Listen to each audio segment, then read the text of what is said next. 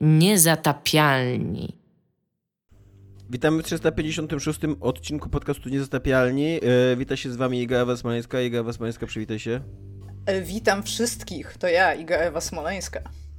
I reprezentujesz jakieś czyjąś opinię? Reprezentuję tylko i wyłącznie własne opinie, nie reprezentuję opinię żadnej firmy, opinii żadnej firmy, oprócz firmy Więcej Laserów, której to usługi serdecznie polecam.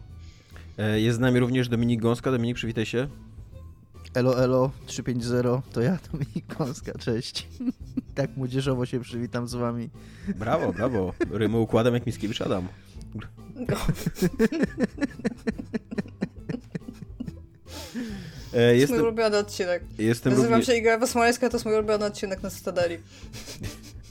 Jestem również ja, Tomek Strągowski.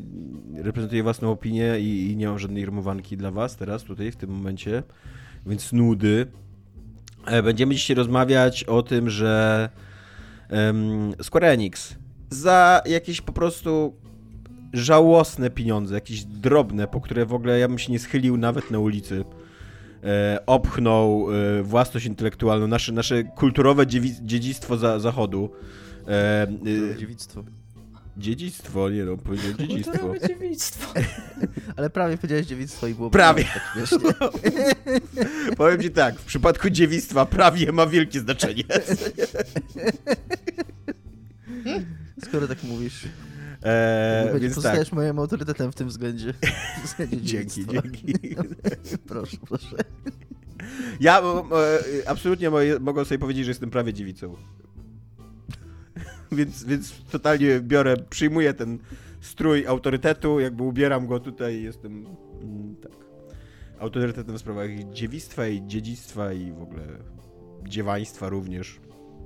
E, E, więc tak, więc Square Enix, po prostu Japończycy, po prostu te, ten naród niewdzięczny e, wypiął się na... Praktycznie stanęli pod dworcem w Warszawie i zaczęli rozdawać Tak, tak, praktycznie tak. Wy, wypiął się na nasze dziedzictwo, na, na nasze naj, najwspanialsze u, utwory wirtualnej rozrywki i, i po prostu opchnął je gdzieś totalnie, tak jak Iga mówi, pod dworcem na bazarze, co jest jakieś drobne, za pieniądze w ogóle, za które nie warto nawet, na, na które nie warto nawet splunąć.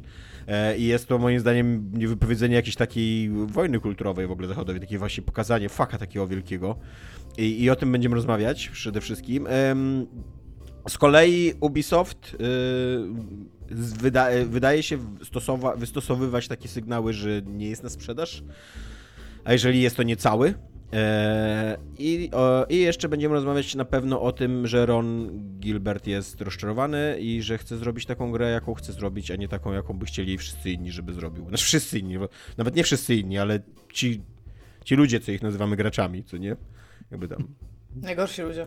Tak, e, więc o tym będziemy rozmawiać. E, zaczynamy od co jest grane, e, ponieważ e, niezatapialni zawsze z młodzieżą a Iga i Dominik teraz razem z młodzieżą po prostu weszli jak takie młodzieżowe yo, yo, yo ziomki na Epika, zagrać Fortnite'a, zobaczyli o, tutaj jakąś przygodówkę Epic daje, co nie, to też biorę przy okazji pomiędzy jednym Fortnite'em a drugim Fortnite'em e, i tak e, w przerwach między waszym Fortnite'owaniem tam przeszliście sobie giereczkę, która się nazywa Paradigm, tak? I Paradigm. Parad... Tak, Dobra. ale pisze się Paradigm, tak jak powiedział Tomek. Dobra, i, i mówcie teraz o niej, go. No to Dominik nienawidzi przygodówek. Po raz kolejny powiedziałam mu, Dominik, jest taka przygodówka za dobrą cenę 0 zł na Epiku. Dominik powiedział, za drogo osób przygodówka nie będę grał, a ja powiedziałam, weź Dominik, fani proszą. Jakby musisz pograć ze mną w przygodówkę symultanicznie, co chyba już jest jakiś thing. A, no i zobaczyliśmy tą przygodówkę z Dominikiem właśnie, Paradigm, e, stworzoną przez e, Jacoba, nazwisko mi uciekło. Janerkę. Janerkę właśnie, który jest chyba Australijczykiem z polskimi korzeniami, jak się szybko dowiedzieliśmy od wszystkich ludzi, kiedy tylko zaczęliśmy w to grać. Tak, I, ale nawet nie, e... trzeba, nawet nie trzeba się dowiadywać, dowiadywać tak, od, ludzi, od pierwszego screena jest, to widać. No. Tam od pierwszego screena, tam główna zła organizacja, który, z której się przeciwstawia główny bohater, nazywa się Dupa Genetics, więc... I ma w logo dupę. Tak. Ma w logo dupę. No. no i ogólnie to ja może najpierw powiem o takich naszych oczekiwaniach, bo Dominik trochę już szukał przygody przygodówki, w którą można by było fajnie pograć.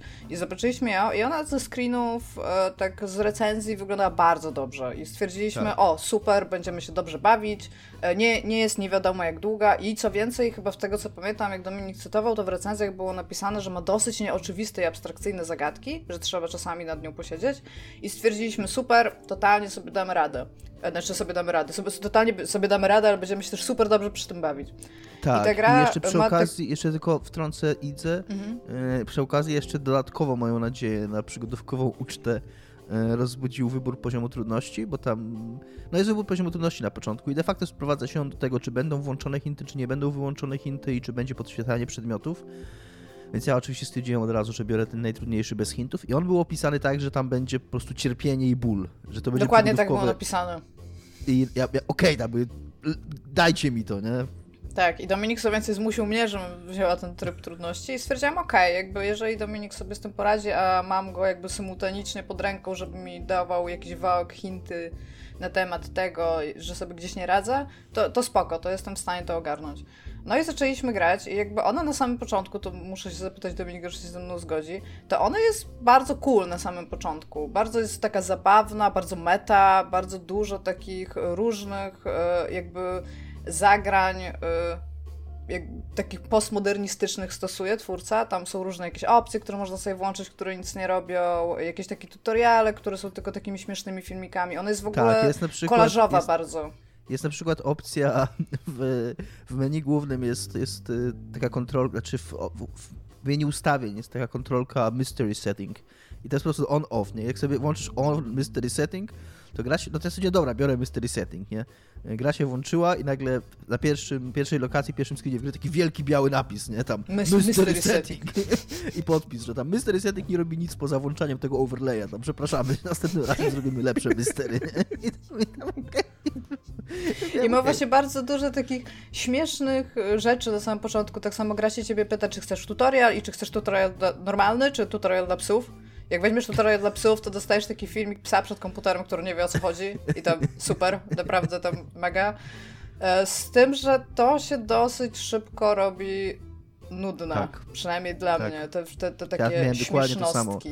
Ona jest taka, ona, ona robi coś takiego, yy, ona bardzo, bardzo chce być śmieszna i to bardzo widać, że ona bardzo chce być śmieszna i ona chce być bardzo śmieszna bardzo cały czas yy, i na początku to jest fajne, bo tak jak, jak Iga mówi, ja się z tym absolutnie zgadzam, jakby co do słowa, że, że na początku to jest fajne i na początku, bo ten świat jest ciekawy, ten bohater jest ciekawy, ten bohater jest jakimś takim dziwacznym mutantem z jakimś takim guzem na głowie. Dwoma guzami na głowie, no i bez nosa to jest takie fajne, Tak, no. tak. E, gdyż tam fabuła jest taka, że ta właśnie organizacja Dupa Genetics tworzy mm, takie dzieci geniuszy, że, że jak ludzie w, ludzie w przyszłości chcą mieć nie chcą być rozczarowani i zostawić Dziećmi, swoje, tak. swoje, swojego majątku jakiemuś kurna e, głupiemu dziecku, które chce robić karierę, nie wiem, artystyczną. Czy tak, bardzo mocno głupie dziecko to jest artysta po prostu. Tak, Performerzy, tak, ma... tam e, tak. muzycy, malarze, to, to, to, to jest źle. Tego rodzice nie chcą, rodzice tak. chcą bankowców, e, scientists. Ja nie pamiętam, tak, tam tak. jest I kilka że, takich. E, tych Wizards. Dziecko... Jeszcze Wizards. Wizard, tak. Jeszcze, jeszcze, jeszcze kariera e, czarnoksiężnika jest również, jest również jakby e, e, akceptowana przez to społeczeństwo. Mm. No i właśnie ta organizacja tworzy takie, takie dzieci geniuszy dla ludzi, a, właśnie, a główny bohater jest jednym z. Przynajmniej tak na początku jest to przedstawione nam. Znaczy nie wprost, ale to jest bardzo czytelne że jest jednym z takich nieudanych, że czasami to po prostu to dziecko nie wyjdzie i wtedy idzie tak na śmietnik trochę i on jest taki No szczególnie, takich... że e, może tak, e, świat, w którym to się odgrywa, to jest jakiś taki wschodnia Europa, e, to się nazywa Kusz, to miejsce, w którym, w którym jesteśmy. I ono jest takie bardzo so socjalistyczne. Tam jest jakaś elektrownia atomowa, dużo nawiązań do Polski, do Rosji, no taka ogólnie trochę bida, bloki z wielkiej płyty, więc no jakby znane nam, że tak powiem, tereny i, i rzeczywistość. Ona oczywiście jest taka do absurdu aż pod, tak przeciągnięta, że tam e, główny bohater ma psa i ten pies jakby je wódkę, to jest, to jest jego jedzenie, po prostu on, on musi zanurzać pysk w wódce i być tak przez kilka godzin. To jest mniej więcej też poziom humoru, którym ta gra trochę tak. emanuje. Tak, ale poznajemy ma również, bohatera. Ma również od... beatbox, przyjaciela beatboxującego bakłażana, który jest... Tak, bo tam jest oczywiście bardzo dużo mutacji ze względu na nie dość, że na działanie tej genetycznej korporacji, to tam centralnie wszystko jest radioaktywne, o czym bardzo dużo mówią. A, natomiast w ogóle bohatera poznajemy od pierwszego dialogu, który mówi, że czas robić trochę tłustych bicików i że on, on chce podejść do komputera i robić swoją epkę po prostu, ale komputer jest zepsuty. A, I to jest jakby nasz pie pierwszy cel, jest naprawienie tego komputera.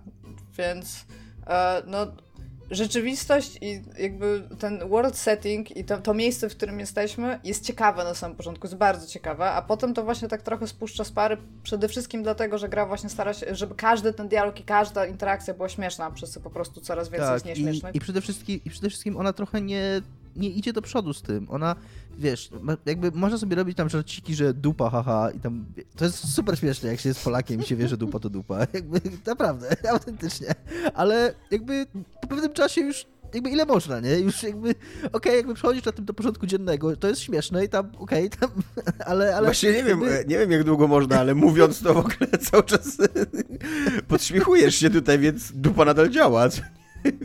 No nadal działa no, w nowym kontekście, no, Wiesz, dostajesz w ogóle na samym początku takie, bo ta gra ma właśnie bardzo dużo takiego e, jakby fajn, fajności w mnóstwie estetyk, które ona jakby w sobie zawiera. Ona nie dość, że nie jest brzydka, te projekty lokacji tak. to mi się tam pokłóciła, że one nie są jakieś super ciekawe, ale ona brzydka nie jest, to jeszcze ewidentnie e, I nie jest, przy okazji twórcy... nie jest pixelartem, co też jest cenne. Tak. Jest taką, jest ładnie zrobioną graficznie przygodówką. I twórcy na pewno e, mają tam, w sensie bardzo dużo pary poszło w jakieś e, animacje, bo tam wiesz, to się zaczyna takim a, jakby nie wiem, e, informacyjnym wideo tego dupa Genetics, więc dostajesz takie ładnie rozrysowane logo tej dupy, którą dostajesz na samym środek, jest pum, takie, wiesz, takie, takie ładne, dźwiękowe tam ujęcia, wszystko jest takim ładnym 3D, te tła są jakoś fajnie zrobione. I ona jakby, to są jej najmocniejsze momenty, bo ona, ona ma te, te, tego typu rzeczy ma do samego końca, tam są w ogóle filmy ponagrywane, są różne rodzaje rozgrywki, jakby oni się nie boją sięgać do takiego worka żeby, żeby wrzucać cały czas coś nowego do tej gry. Aczkolwiek tak, to wciąż przykład, jej nie ratuje niestety. Tam jest, tam jest na przykład motyw, że nie wiem, że grasz na konsoli takiej stylizowanej na SNESa, yy, czy na NESa, nie wiem. Yy, ale gra, gra wygląda jak ze SNESa raczej w, masz tam pokonać tego dealera narkotykowego, żeby dał ci dragi za to, że, tak. że pokonasz jego, pobijesz jego rekord w grze. No i, I to tak w ogóle legalne się... dragi, tak swoją drogą. Tak, i, i, ta, i ta gra jest zrobiona autentycznie jak taki beat'em up 16-bitowy, tylko że y, zamiast bić ludzi, to się to masz ich... Mm, Bustować, no, podnosić ich, na duchu. Podnosić ich na duchu, że podchodzisz do kogoś i tam ktoś mówi i mówisz mu tam, a rozpoczynałeś karierę tam, nie wiem, yy, tam jest taki metalowiec, trochę, trochę na kisów zrobiony, taki, wiesz, taki tak. pomalowany na biało. Twój, twój make-up coś... jest bardzo ładny. Czy myślałeś, żeby zostać kosmetykiem? Kosmetykiem? Tak. Kosmetyczką męską. I, I, robić karierę tam na YouTubie, po, robiąc tutoriale kosmetyczną. O, no, dziękuję, to bardzo dobry pomysł, nie? tak, tak. Zawsze ale... myślałem o tym, że, mogli, że mógłbym to robić, ale nie wiedziałem, że, że realnie jestem do tego tam gotowy, więc tak, rzeczywiście pójdę to robić. No. Więc jest, i, i, graficznie wygląda to, i właśnie tak jak Iga mówi, to nagle się zmienia jakby w zupełnie inną grę i to jest spoko, ale niestety, no mówię, to jest za małe, ja też się zgadzam. Po pierwsze to, co już powiedzieliśmy z tym humorem i to nie jest trudna gra niestety i, i to nie jest nawet trochę, to, to, w sensie ja tu nie zacząłem się ani razu w niej i ona w zasadzie, ona, te zagadki one bywają takie, że trzeba troszkę pokombinować, ale, ale nie, nie miałem ani jednej takiej zagadki, żebym sobie pomyślał, że ale to było fajne, ale to było. Ja, ja wczoraj zadałam Dominikowi jedno pytanie e, na temat.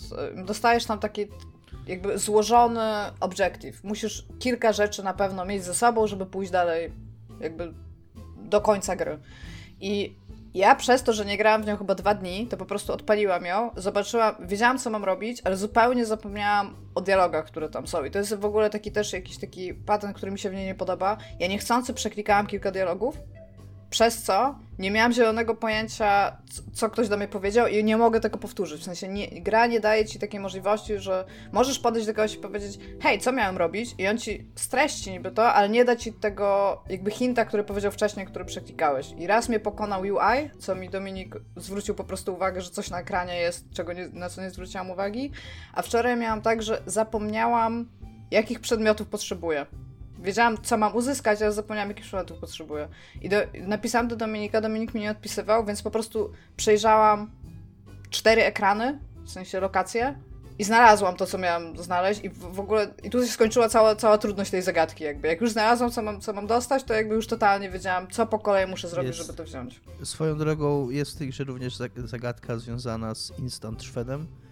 Tak. Mieliśmy, robiliśmy sobie, znaczy uznaliśmy jakiś czas temu, że Shred to jest super plot twist i ten plot twist występuje również w tej grze. Masz Shreda w proszku, którego musisz użyć w pewnym momencie, żeby, żeby tam coś on zrobił. Więc tak, ale no... Mm, ogólnie ja nie jestem jakiś super rozczarowany, znaczy jestem trochę rozczarowany, myślałem, że to będzie lepsza gra, natomiast zapłaciłem za nią 0 zł. Jest to Uczciwa wciąż... cena. Uczciwa cena. Jako gra jest bardzo taka se, ale jako powiedzmy audiowizualne dzieło multimedialne yy, ma trochę fajnych pomysłów na siebie. Tak, i... szczególnie, że ona ma, ona opowiada o muzyce elektronicznej i tam jest takie urządzenie, które się w pewnym momencie znajduje i może do niego znajdować kasety. I tam jest bardzo dużo dobrej roboty, że tak powiem, jeżeli chodzi o muzykę elektroniczną. Tam jest takie pomieszczenie w laboratorium, które ma tak super muzyczkę w ogóle w tle, że tam sobie stałam tylko po to, żeby jej posłuchać przez moment. Więc y, ma bardzo dużo, bardzo dużo zaskakująco dobrego voice actingu, bym powiedziała. Tak, to prawda. E, aczkolwiek wszyscy starają się mówić z takim Soviet accent, co też jest śmieszne przez jakiś czas, dopóki kurde nie jest. Jest taki moment w tej grze, jest taki moment w tej grze, w której, i to był jeden z najcięższych momentów dla mnie, y, w którym y, jest taki motyw, że jest taki automatyczny tłumacz i, i bohater zaczyna mówić tak. w różnych językach. I to ewidentnie aktor głosowy czyta fonetycznie po prostu, bo jak mówi po polsku, to to jest tak, że znając polski jesteś niektóre, niektóre słowa rozumiesz, niektóre nie bardzo, ale słyszysz, że to jest język polski, nie? Mhm. Y, I, a, ale to, i, to było dla mnie ciężkie, bo jak on mówił w tym polskim, to ja prawie to rozumiałem po polsku, ale, ale nie Miałeś do końca. napisy tak... po angielsku, on Ale było mi strasznie ciężko, było tak, mi strasznie i... ciężko czytać napisy po angielsku, słysząc tekst po polsku, który... I jeszcze wiesz, przy okazji jakby... to jest niegramatycznie poprawny tekst, bo ten tłumacz w grze zaznaczony jest, że tak. nie tłumaczy dobrze. Tak, no to ewidentnie jakimś Google Translate czy czymś takim tak, tak zrobili, tak, tak. Tam, i, i po prostu i, i, i to, to ktoś fonetycznie czyta i to było dla mnie super ciężkie, żeby zrozumieć, co on mówi, jakby mając tekst po polsku, napisy po angielsku i tekst po polsku, który nie brzmi do końca dobrze. Nie? No ale gra nie zajmuje też super długo. Mam wrażenie, że jakby. Nawet bym nie powiedziała, że ona musi być jakaś super krótsza. W sensie przez to, że się po prostu przechodzi, więc nie byłam nią jeszcze super zmęczona i chciałam, miałam ochotę ją skończyć. Nie, A tak, tak jak mówi Dominik, to nie jest gra, którą bym komuś poleciła. Tak. Ale jestem nawet ciekawa, co ten ziomeczek może zrobić później. To jest gra z, to jest gra z Kickstartera, czego się dowiedziałam czytając napisy po prostu końcowe. A więc być może teraz uzyska jakieś fundusze, żeby robić jakby coś kolejnego no właśnie, i wtedy Ja bym chciał powiedzieć y, jakby zgodnie z najlepszymi tradycjami prawdziwego growego dziennikarstwa, nie sprzedajnego growego dziennikarstwa, że tutaj nasze tutaj lewicowe snowflake'i Iga i Dominik y, po prostu hejtują pracę dobrego człowieka y, i gracze się absolutnie z nimi nie zgadzają. Ta gra ma na Steamie over, overwhelmingly positive recenzję, 96%. Więc jest to, jest to arcydzieło. Ja bym chciała powiedzieć, że już chyba ustaliliśmy, że gracze mało się znają na grach. znaczy... Ja, ja bym chciał powiedzieć, że jest... gracze ustalili, że dziennikarze growi się mało znają na grach. Ja by, no znaczy, ale my jesteśmy ważniejsi.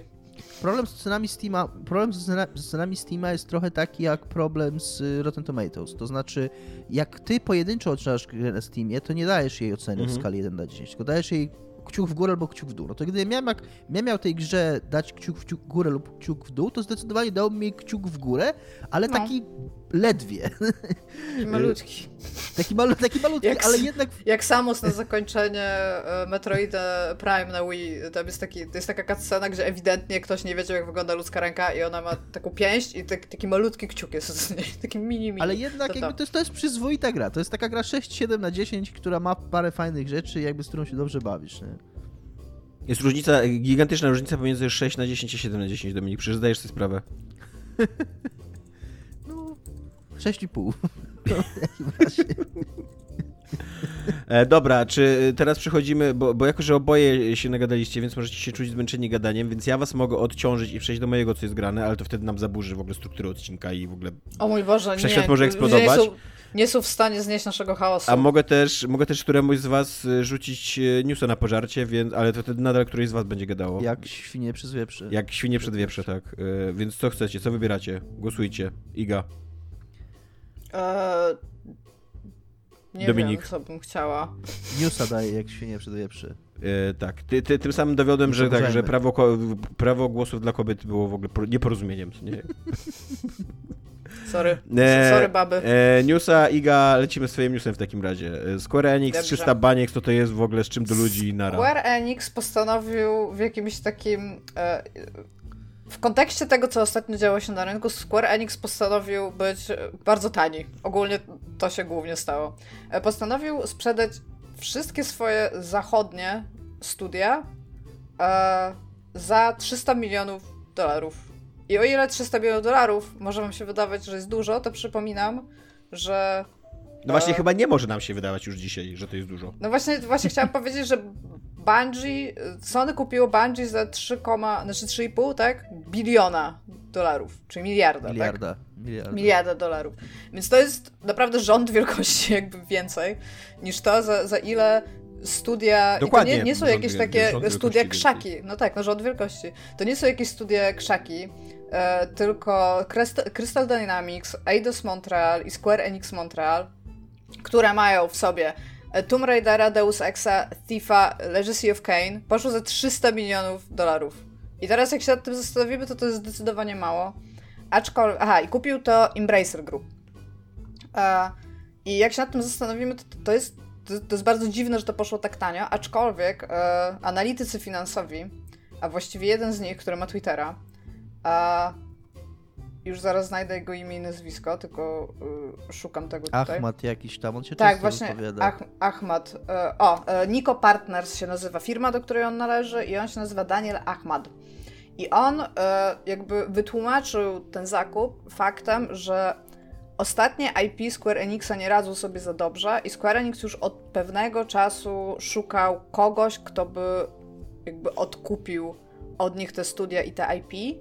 Szczególnie, że, i to mi się najbardziej podoba w ogóle z tym wszystkim, że Square Enix mówi, że przez to, że sprzedaje te studia i mają teraz ten, tą, no nie gotówkę, no ale te, te, te pieniądze, które za to uzyskali, a to mogą zainwestować w tak ważne rzeczy jak sztuczna inteligencja, chmura, w sensie cloud i blockchain. blockchain. I tam, mój Boże, jak dobrze, że sprzedajecie te studia, żebyście mogli zainwestować w blockchain. No po prostu nie wiem, nie wiem czy jestem bardziej, czy mogłabym być bardziej szczęśliwa jako gracz w tym momencie. Ja tutaj, nie? żeby wam tylko e, powiedzieć, e, jaka jest skala tej, tej transakcji, to Activision Blizzard będzie kupione przez Microsoft za 229 razy drożej. Tak, no. a to jest w ogóle ciekawostka, bo będzie kupione, to jest coś, co ja też sprawdzałem i sobie liczyłem będzie kupiona za 229 razy drożej, a liczba pracowników, różnica w liczbie pracowników pomiędzy tymi, pomiędzy e, Square Enix całym, czekaj, nie. No to ta transakcja nie, za 300 e, e, milionów to jest 1100 ludzi. 1100 ludzi, a cały Activision Blizzard to jest 9,5 tysiąca ludzi, czyli to jest jakieś 8 razy tylko więcej pracowników, a 226 razy wyższa cena, co dobitnie mhm. pokazuje, jak to małe To się nazywa znaczenie... wkładka mięsna wśród ludzi, którzy kupują firmy jak to jest, jak, jak, ta wkładka mięsna, jak ona tak naprawdę, jak ma niewielkie znaczenie, jak te firmy, jak te transakcje w ogóle tak naprawdę nie dotyczą pracowników, że to, to nie te, to nie mówi, że kupują tą firmę, ale oni kupują, tak naprawdę oni kupują IP marki. kupują, oczywiście, że to, kupują to, zawsze od kogoś zatrudnisz jakby do tej firmy, zawsze żeby tak, dokładnie, IP, dokładnie. I to jakby to pokazuje, że jakby różnica w skali pomiędzy ceną, a jakby liczbą pracowników pokazuje, że to nie jest tak, że ci pracownicy Activision Blizzard są, tyle, są cenniejsi od tam 200 razy czy tam 20 ja razy, tak? 229. 10 razy nie, ale 229 razy wyższa cena, a tylko 10 no, razy aha, pracowników, tak. czyli wychodziłoby, że, że 26 razy jeden pracownik, tak jest więcej. Ale tak nie jest, po prostu chodzi o to, że te marki, które ma, które ma w środku ta firma, będzie taki moment, kiedy firmy się zorientują, że ci ludzie są dużo ważniejsi niż IP, ale to jeszcze nie jest ten moment w historii po prostu. No właśnie, ja czy będzie, czy będzie taki moment, kiedy firmy się zorientują, że to będzie, ludzie produkują gry? Musi być, bo jeżeli nie, to jak... możemy po prostu przestać robić gry. Ale wiesz, to jest, totalnie idziemy w kierunku jakichś rozbudowywania jakichś algorytmów, które po prostu będą robiły to same, co nie? Jakby tak wprawione w ruch po prostu kody się będą robiły jeden po drugim tam reprodukowały gdzieś po prostu w sieci i same się wydawały i promowały co roku i... Nie wiem, będzie, czy, jest potrzebny jakby człowiek do obsługi tej będzie, machiny. To będzie, ja ci powiem tak, chciałabym być przez dwa dni w tej rzeczywistości. Jeszcze najlepiej zobaczyć, było, Ale czekajcie, bo ja, jakby ja, ja, myślę, że, ja myślę, że na przykład ten wątek Holokaustu to już jakiś algorytm taki sztucznej inteligencji opracował, co nie? Jakby... Ja myślę, że jeszcze powinni, powinny do tego dojść algorytmy i automaty, które będą w te gry grały. Jakby już w ogóle I wystawiały im recenzje, no. tak. Nikt nie będziemy w ogóle potrzebni. Dobra, ja bym tylko chciała I to jeszcze powiedzieć... będą streamowały na YouTube, a później sobie komentowały nawzajem. tak. A wtedy będziemy wolni. Wtedy wszyscy będziemy wolni. Oni, te algorytmy będą właśnie inwestować w bitcoiny, kryptowaluty, będą śledzić te blockchainy, a my sobie będziemy siedzieć w domu i będziemy robić ten e, marshmallows, jakieś pianki nad, nad ogniskiem piec. Ja bym tylko chciała powiedzieć, że jakby podbijając to, co mówił e, Ahmad i to też Eurogamer podkreślał i na, na to też trzeba zwrócić uwagę, Crystal Dynamics wydało Marvel Avengers, znaczy stworzyło, które jest bardzo słabo ogólnie przyjęte przez graczy, a tam cały czas są update'y i oni nad tym pracują. Oprócz tego pracują też nad nowym Tomb Raiderem, tak, ale dopiero zaczynają, więc trzeba zobaczyć, co z tego wyjdzie. Ale na przykład e, Square Enix, e, nie, Eidos Montreal wydał Guardians of the Galaxy, które z kolei zostało bardzo pozytywnie przyjęte. Co więcej, dostając nagrodę za najwięcej narracji w grze. Tak, ale, ale finansowo chyba mm, ten Guardians of the Galaxy to nie był jakiś hicior. Jest to nie, chyba, znaczy Square Enix nie było Mógł nie być, jakby no tak, ale w każdym razie Chociaż Square Enix akurat dobrze... od chyba mniej więcej dekady, za każdym razem jak wydaje jakąś taką grę w, w zachodnim stylu, to chwilę później mówi, nie jesteśmy zadowoleni. Tak, bo szczególnie właśnie, że gro jakby y, finansowo znaczy przychodu Square Enix jest z japońskiego rynku na mobilkach i MMO, jakby, więc oni, to, to są dla nich jakieś w ogóle płotki i grosze.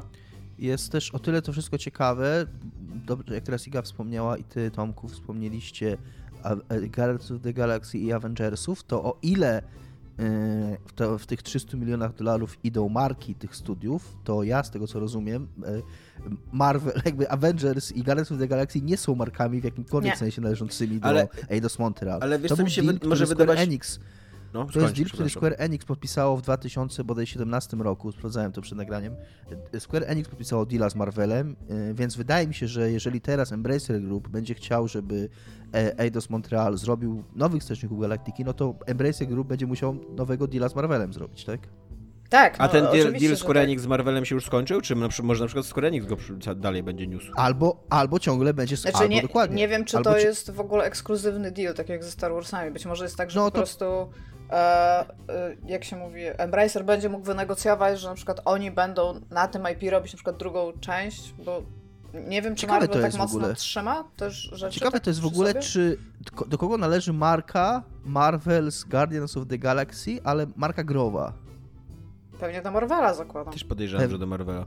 Podejrzewam, że e, może... Marvel po tym, jak podpisali legendarnie złą umowę na no tak. Spidermana, który cały czas jest usony e, i, jakby nie zapowiada się, żeby wrócił jakoś do Marvela, a mm, jakby Marvel jest już tak zdesperowany, żeby mieć tego, tego Spidermana, że, rob, że robi te filmy dla Sony po prostu, żeby, żeby one były dobre. E, to wydaje mi się, że są teraz mega wyczuleni na takie umowy w stylu mm, przekazywanie tak. komuś pełni praw i jeszcze jakieś te, dawanie jakiejś kontroli i tak dalej. Myślę, że mają, tak jak tutaj Iga sugerowała, że mają, że Marvel i Disney ma jakby peł, pełną wolność chodzenia z tym, do kogo chcą i jak chcą i fajnie, że tam Square Enix się podpisaliśmy, ale jak przyjdzie do nas ktoś inny i zaproponuje nam lepszy deal, to, to też z nim podpiszemy tego deala, co nie? Tak, tak mi się wydaje, że to jest tego typu. Zwłaszcza, że jednocześnie tak jak... to jest Disney, więc oni sobie mogą dyktować takie warunki komu chcą, co nie? No. E... Więc tak, no jakby 300 milionów... Yy to jest w świetle tego, co się teraz w ogóle dzieje, bo to jest w ogóle takie śmieszne, że są te teraz takie bardzo duże przetasowania na rynku, bo i tak i tak wszystko w końcu będzie w Disneyu. I wtedy będą te algorytmy, które będą Tak, to prawda, że tak naprawdę to Embracer po prostu podbija swoją wartość teraz, zanim go Disney kupi. Tak, ogólnie nasz wszyscy, hot take zaraz będziemy tak. Z, zaraz nas kupią, więc w sensie na, nawet nie, że podcast, po prostu nas, każdego pojedynczo kupi Disney i tyle będzie. Ja... Sojusz ciebie nie. Z otwartymi ramionami, jakby. Jak, i, tak. I totalnie w milionach, jakby spokojnie mogą liczyć w milionach, jakby ak tak, acquisition, tak, co tak. nie nic niezdapialnych, jakby. Spoko. za y, nawet za 10 milionów mogę nagrywać ten podcast już y, tylko i wyłącznie mówiąc o Marvelu i Star Warsach i wszystko pozytywne, bo jestem totalnie na sprzedaż. Jesus Christ. Disney, zapraszam. Jako, jak, jako tak. Nasz kręgosłup teraz za Jako prawie dziewica totalnie się sprzedam, co nie? Jestem otwarty, o tak, na, na propozycję, tak to, e, tak to ujmę. E, czy, czy z kolei uważamy teraz, że Embracer Group e, wyrasta nam na jakiegoś, nie wiem, giganta, nowego gracza? Mi się wydaje, że trzeba poczekać dawny, na, na, użycie wszystkich. Czy tych... Koch należy do nich? To jest THQ Nordic, Koch Media, Coffee, tak, tak, Coffee no. Stain, Amplifier. To jest Saber ciekawe. Interactive, Deka, Gear, Gear, Gearbox yy, i co ciekawe Dark Horse Media. I Asmodee to chyba też jest coś znanego, co? Bo, bo długo mm, jakby THQ było takim trochę producentem z niższej półki, ale nie z takiej, takiej powiedzmy o takich gier, takich gier A, nie A, tylko pojedyncze A, tak? A game. I to, i to są gry, i to są gry, i to są gry, których moim zdaniem w, szczególnie w dzisiejszych czasach, w świecie, w czasach wielkich open worldów i wielkich superprodukcji, gier na milion godzin, to jest gier, to są gry, których nam na maksa potrzeba. Ale które z drugiej strony mają na maksa trudny rynek, bo bo pojedynczy unit dla gracza jest wciąż dosyć drogi, to jest 40 podejrzewam dolarów, mają taką, taki, taki price tag, co nie, taka gra, e, a przepaść produkcyjna pomiędzy grą AAA a, a grą A, a, a, a. game po prostu jest, jest olbrzymia, co nie? Tak, natomiast no mówię, ja bym chciał i chciałbym wierzyć w to, że jest miejsce dla, dla, dla, dla czegoś takiego i że na przykład właśnie e, teraz Eidos Montreal będzie mógł robić, rzeźbić jakiegoś na przykład nowego Tifa, i rzeźbić tego nowego Tifa faktycznie jakby bez takiego super oglądania się na, na, na, na rynkowe trendy, tylko właśnie dla takiego powiedzmy trochę mniejszego grona odbiorców i to, i to będzie trochę gra yy, z niższym budżetem, ale z większym sercem. Tak jak, tak jak właśnie dobre gry 7 na 10. Nam naprawdę potrzeba dobrych gier 7 na 10, ale masz rację, że to, że nam ich potrzeba, to rynkowo może wyglądać zupełnie inaczej i ja e, moim zdaniem strony... idealnie reprezentujemy rynek, więc... A z drugiej strony, jak, jak teraz Embracer... Powiedzieli, powiedzieli e, e, zrecenzo, zrecenzo, zrecenzowawszy e, grę za 0 złotych i to jeszcze negatywnie. Nie, nie powiedzieliśmy, że negatywnie. Powiedzieliśmy, że jakby nie polecamy, nie polecilibyśmy, ale jak już jakby, gracie, to jakby wie, skończcie, że, no. Wiesz, że taki jakby typowy czytasz recenzję, to właśnie powiedzieliśmy, że nie polecamy i on tutaj tyle wyłącza właśnie cię, co nie? Żegnaj typowy czytacz e, Tak, ja nasz, nasz czas razem był krótki, ale bardzo intensywny. Ja tu jeszcze bym chciał tylko dodać, Dominik, co się może podniecić, że w Embracer Group jest także um, Deep Silver. Dominik, łykaj leki, leki na ereksy. E, ty, Dominik, chyba lubisz Deep Silver. Pamiętam, że kiedyś miałeś jakieś ciepłe uczucie w kierunku Deep Silver. Nie, nie kojarzę, czemu miałbym mieć ciepłe uczucia. No nie wiem, Metro Exodus? Oni mi się kojarzą z y, Painkillerem pierwszym najbardziej, bo to oni byli chyba wydawcą pierwszego Painkillera i wtedy to śledziłem i wtedy jakoś na moim horyzoncie było Deep Silver i miałem jakieś ciepłe uczucia z nimi. Saints Row ale... to oni wydają... No mówię, ja w ogóle Metro, nie grałem w żadną część... Pathfindera pierwszego. Okej, okay. nie grałem w żadną część Saints Row, proszę tutaj do tego worka nie wrzucać. Yakuza Kiwami? A co, ale to pewnie jakaś wersja PC-towa czy coś takiego. Pewnie nie tak, Sega tak przecież. to brzmi. Bo ogólnie jak Dobra, to, to oni, znaczy, to, to jest wydawca chyba tak, ogólnie, tak, tak. więc jakby... Tak, tak. Oni pewnie to wydają, na co mogą położyć łapkę. No bo powiedzmy sobie szczerze, jest bardzo mało wydawców, którzy mają takie portfolio, że siedzisz i o, Devolver jest takim wydawcą, tak? Devolver, wiesz co to będzie Coraz za gra, jeżeli Devolver ją wydaje.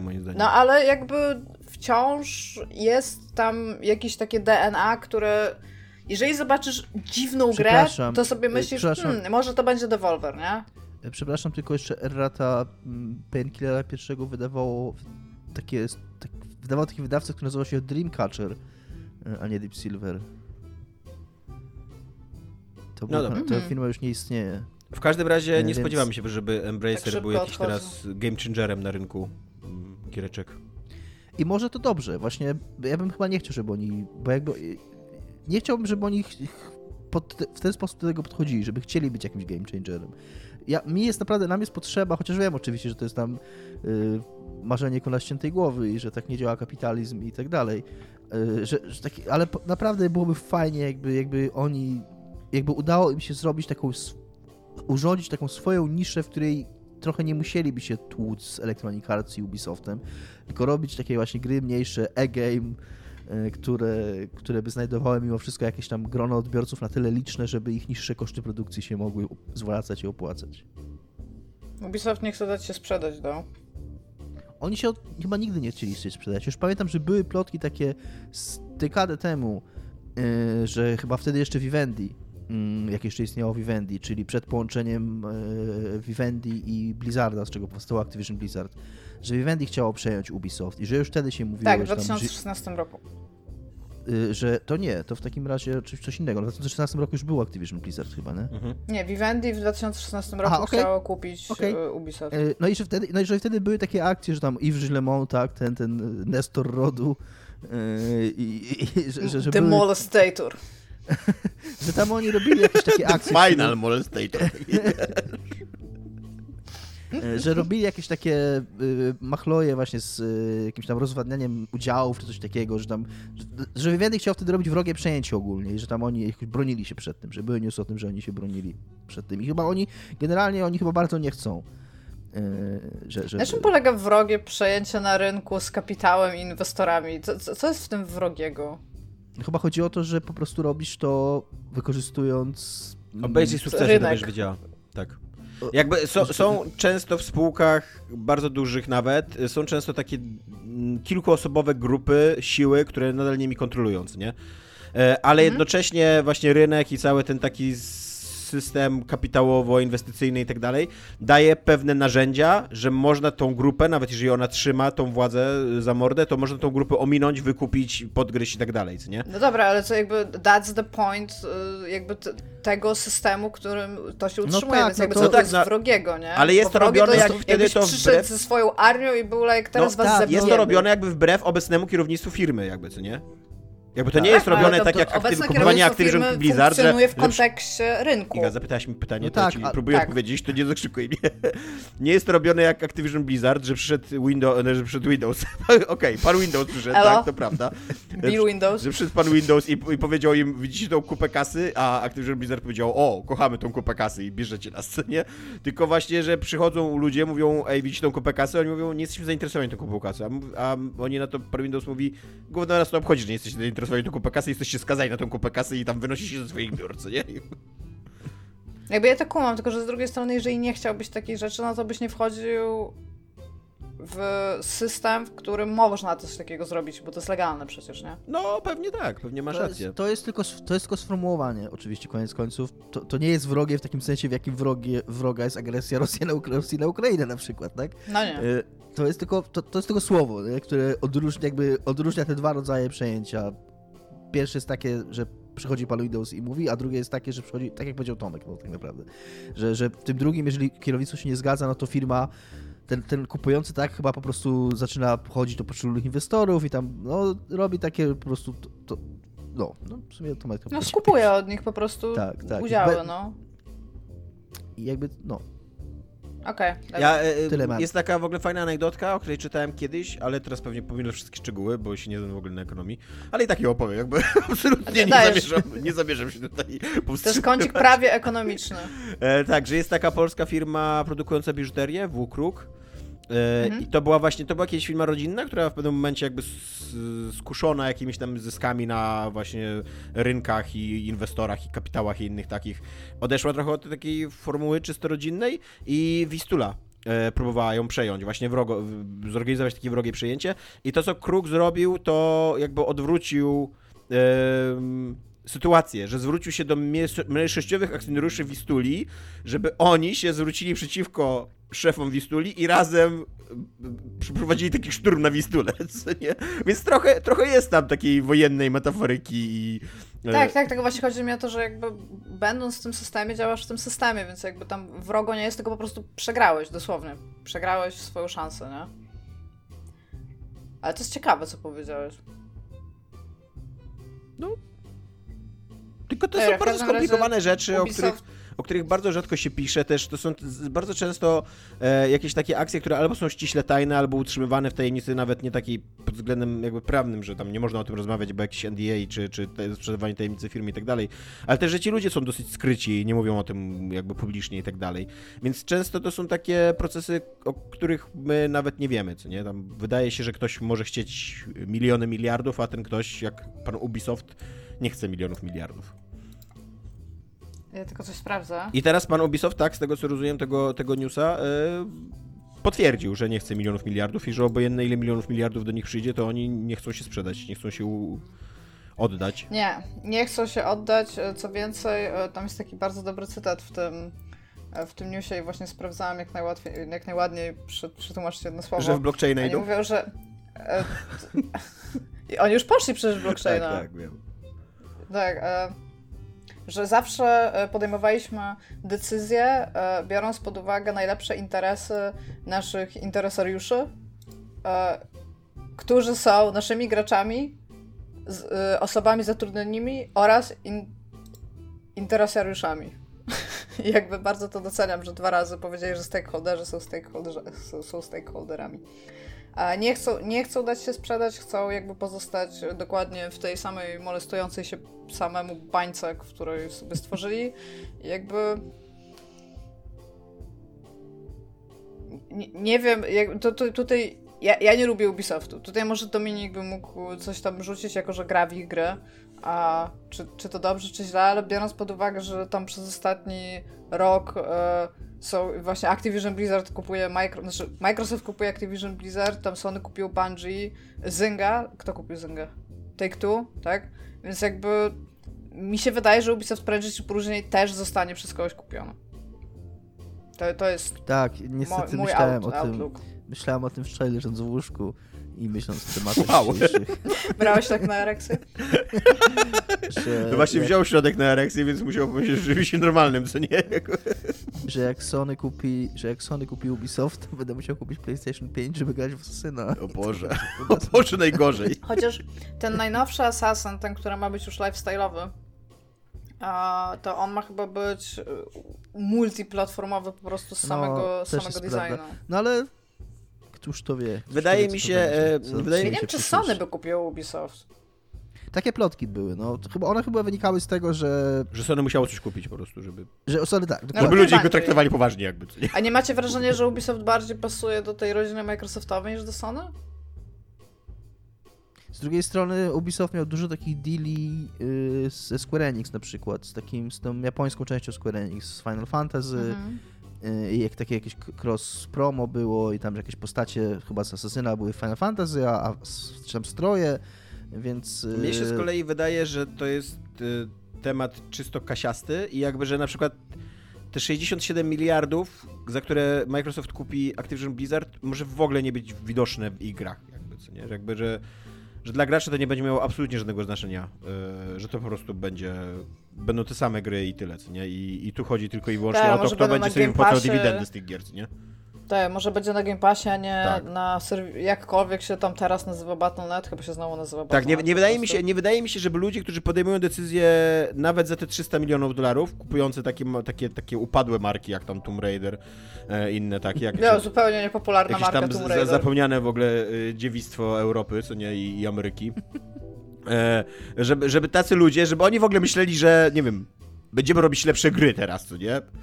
Jakby oni chyba myślą tylko, wydaje mi się, jakby w tabelkach w Excelu i tam czy im się sztymuje na końcu kasa i tyle, co nie? Hmm. Pieniądz, pieniądz, pieniądz, pieniądz. Tak, patrz, pamiętajcie o Patronite, jakby dopóki nas, dopóki nas nie kupi, dopóki nas nie kupi pan Windows, to wciąż prosimy was o pieniądze, co nie?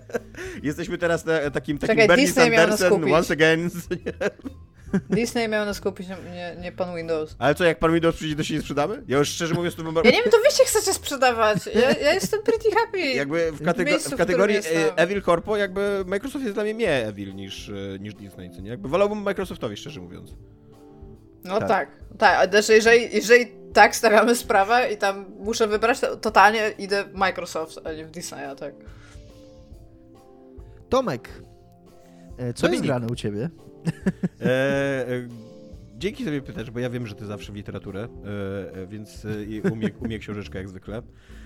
Przeczytałem jedną książkę o tuż powojennej Polsce i czytam aktualnie duż, drugą polską tuż powojennej wojnie, wojnie Polsce, tuż powojennej Polsce.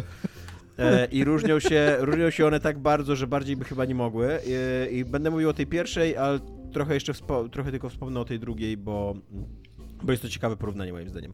Więc tak, więc przeczytałem e, książkę, która się nazywa Hahnemann Stefana Chwina. Stefan Chwin to jest tutaj disclosure taki, że jest to mój wykładowca z uniwersytetu, jakby nie miałem z nim nigdy żadnej bliższej relacji, ani z takiego, ale jakby ceniłem jego wykłady i, i, i lubiłem go jako istotę ludzką i tak dalej. E, nie, Iga, nie robiliśmy tych rzeczy, co właśnie pokazujesz palcami. Pokazujesz, że dawaliście sobie buzi. Więc, e, więc mogę być trochę, e, mogę być trochę spaczony jakby w kierunku tego, że mi się ta książka podobała, bo podobała mi się bardzo, ale wątpię. To jest książka z 95 roku, opowiada ona historię właśnie tytułowego Hahnemana, doktora Hahnemana, anatoma, który robi sekcję zwłok zawodowo który jakby żyje sobie w Gdańsku, w przedwojennym, wojennym i powojennym Gdańsku, bo nie, nie ewakuuje się razem z innymi e, Niemcami. E, I, e, no i jakby w jego życiu jeszcze trakcie wojny czy przed wojną, to nie jest do końca jasne, dzieje się tragedia, e, umiera jego ukochana i on jest taką postacią bardzo depresyjną, bardzo naznaczoną jakby taką osobistą tragedią i, i tym, że stracił mega ważną osobę, co jest powiązane z m, takim wątkiem samobójczym, bo Chwin w ogóle naukowo jest zafascynowany w, motywem samobójstwa w literaturze w sztuce i, i, i tak dalej.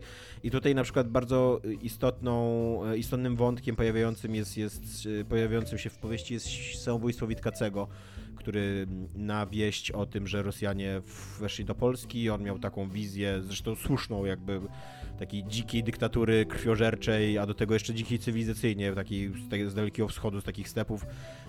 No i przerażało go to strasznie, on popełnił samobójstwo. I co jest ciekawe i co Chwin to wyjmuje z, tej, z, tego, z tego samobójstwa Witkocego, to jest to, że jego ukochana, ukochana Witkacego, z którą on razem miał popełnić to samobójstwo i najprawdopodobniej na, na, na skutek jakby oszustwa, które Witkacy wobec niej zastosował, ona przeżyła, bo po prostu wzięła za mało leków, e, jakby a to on obniżał tą dawkę leków, więc najprawdopodobniej po prostu wiedział, że ona przeżyje, chciał się sam zabić tylko, ale...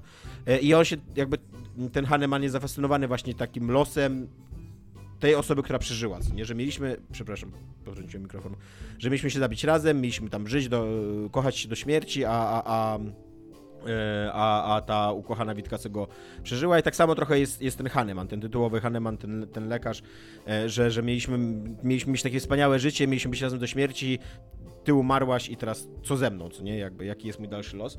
E, I mm, tutaj narratorem jest taki młody chłopak, Polak, który jest też zafascynowany właśnie postacią Hahnemana, jako takiego obcego pana, który, którego jakby poznaje w kamienicy, do której się jego polska rodzina wprowadza w 1945 roku, e, po tym jak Gdańsk znowu stał się polski.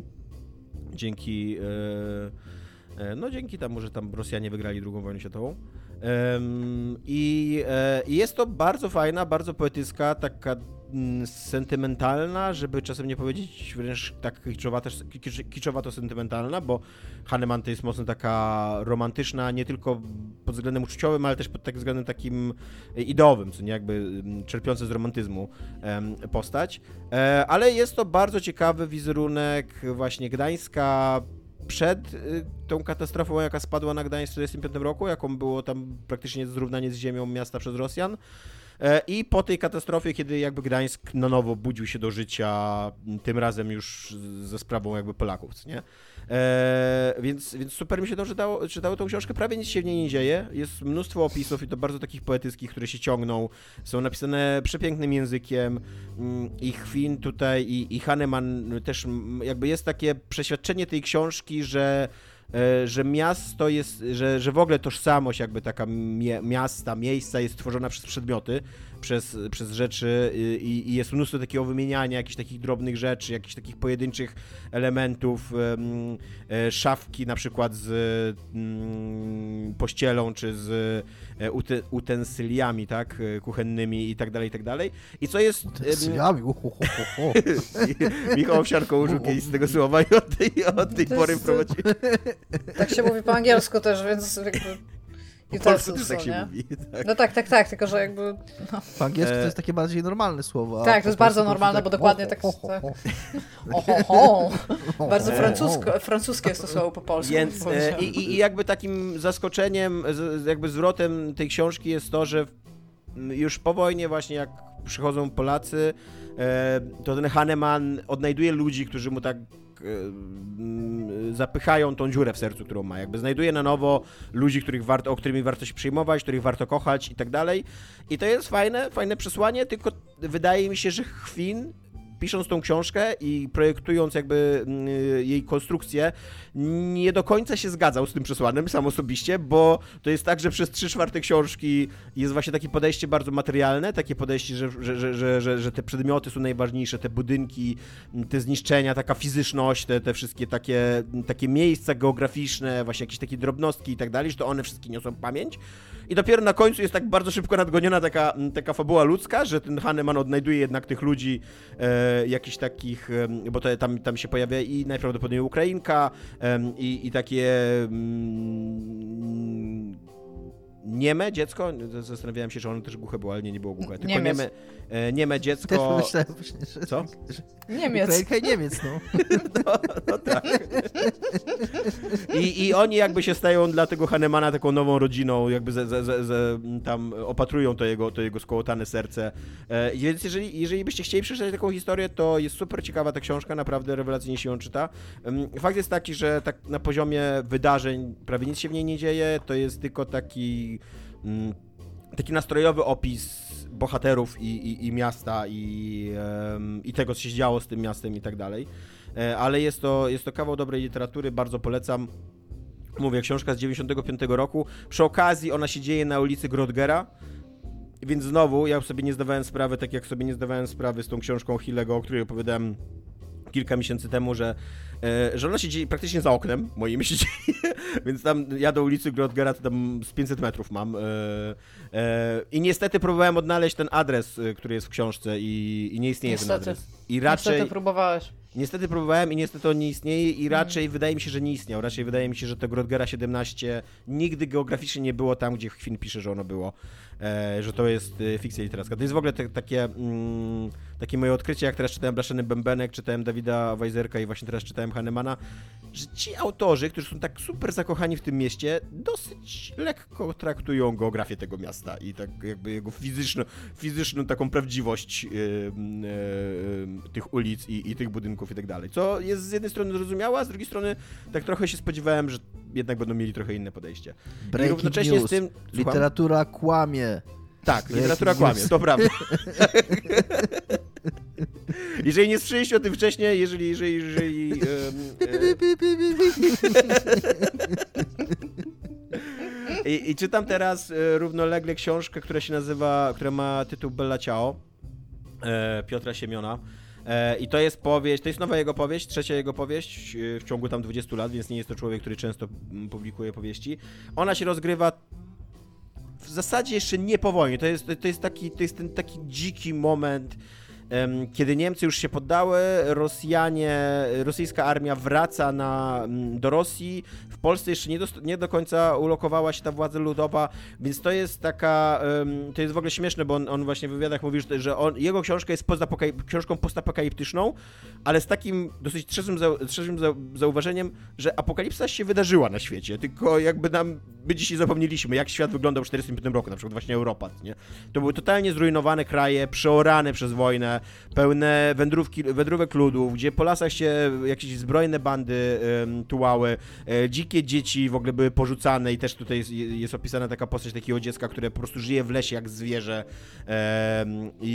no i jakby wszystkie miasta to, były, to, były, to była centralnie ruina, e, tak dokładnie z jakiejś takiej ikonografii postapokaliptycznej. Nie wiadomo było co dalej, czy za chwilę się znowu jakaś trzecia wojna światowa nie, mm, nie rozegra. E, dopiero co jakby dowiedzieliśmy się, że istnieje, znaczy tutaj się chyba jeszcze nie dowiedzieliśmy, bo wydaje mi się, że to jest przed sierpniem 1945 roku, ale jakby na horyzoncie widnieje już jakaś super broń, która jest w stanie równać całe miasta z ziemią w ciągu kilku sekund, nie? Więc jakby e, jest to taka książka... Znikać ludzi. Tak, tak. Jest to taka książka, która e, jakby fajne jest to, że wy, wy, wyciąga ten taki postapokaliptyczny klimat z um, rzeczywistości 45 roku, z rzeczywistości drugiego, dru, końca II wojny światowej e, i ona jest bardzo w stylu, bardzo w stylu drogi, Cormaca McCarthy'ego pod względem takiego opisywania bardzo plastycznego, właśnie takiego całkowitego upadku mm, cywilizacji i, i ludzkości jako człowieczeństwa, co nie? Do tego, do tego stopnia, że wam przeczytam fragment, bo mam tu fragment, który bardzo dużo mi się wydaje mówi o tym, jaka to jest książka, co nie? Ile minęło tygodni, Dostatecznie wiele, by, by Miraże abstrakcja wyparła inna wizja. Całe wybrzeże, bo to się dzieje też w ogóle na wybrzeżu, tylko tam w okolicach Sławna bardziej, więc to jest um, takie bardziej niemieckie wybrzeże. E, e, całe wybrzeże i dalszy ląd okazały się e, nie szachownicą wcale, lecz przekopaną, przekopanym wojną monstrualnym płatem krwawej ludzkiej grzybni, zrośniętym miliardem nitek. Ta grzybnia wędrowała tam i sam po europejskiej nizinie, kipiała szkarłatem, bez słów komunikowała się, reagowała na najmniejszy impuls. Obławę, transport mąki czy, czy ryżu, obwieszczenie oblaszanej, zblaszanych głośników, upartą plotkę nie figury i pionki, tak jak sobie ludzie tam wyobrażali, że wojna to są właśnie figury, pionki i szachownica. Nie figury i pionki, lecz czerwona miazga rozsmarowana po mapie kontynentu. Zamiast geometrii, bełkot i wrzask. Więc tak, e, tak jakby... Fucking metal! tak, tak jakby postrzega e, Siemion tą, tą, e, ten, ten moment. I to jest, to jest bardzo ciekawe i to jest też literacko, językowo dosyć dobrze i sprawnie napisana książka. Problem Ludzka jest grzybnia zawsze na propsie. Problem z nią jest taki, że w niej się dzieje za dużo. E, tak jak w Hanemanie się prawie nic nie dzieje, tak tu się dzieje w ogóle milion rzeczy. Jest pięć wątków pisanych, pisane jest z, z różnych perspektyw, jakby cały czas narracja skacze od bohatera do bohatera. I to jest de facto taka historia sensacyjna o oddziale akowców, którzy tam przybywają na wybrzeże po to, żeby jakiegoś tam wysłannika odebrać. Wpadają do takiego miasta, przez który, w którym już się władza ludowa ulokowała, ale jeszcze Rosjanie przechodzą przez to miasto, jakby wycofując się no i tam się dzieje, po prostu wszystko się dzieje. Tam się dzieją e, mm, strzelaniny, ucieczki, e, próby gwałtów, jakieś takie morderstwa polityczne, bo też ci jakowcy zabijają, znaczy chcą zabić spoiler alert, sorry, jakąś, taką, jakąś taką ważną figurę wśród komunistów i tak dalej, i tak dalej. I ja mam wrażenie, że to totalnie Yy, zeruje, praktycznie, że zeruje. A nawet bym powiedział, że zeruje, bo już na tym etapie już jestem zupełnie nieporuszony tą książką. E, zeruje jej siłę właśnie w takim, w takim jakby human story, żeby to było, żeby to była historia o ludziach i o, tym, o tej ich strasznej tragedii, i o tym właśnie, jak ten kontynent został prze, przeorany i co tu, się, co tu się wydarzyło i tak dalej, a robi z tego taką zwykłą strzelaninę, taką zwykłą przygodówkę, tylko w jakimś, nie wiem, ciekawszym settingu, nie? E, I to jest dla mnie niestety straszne rozczarowanie, jakby...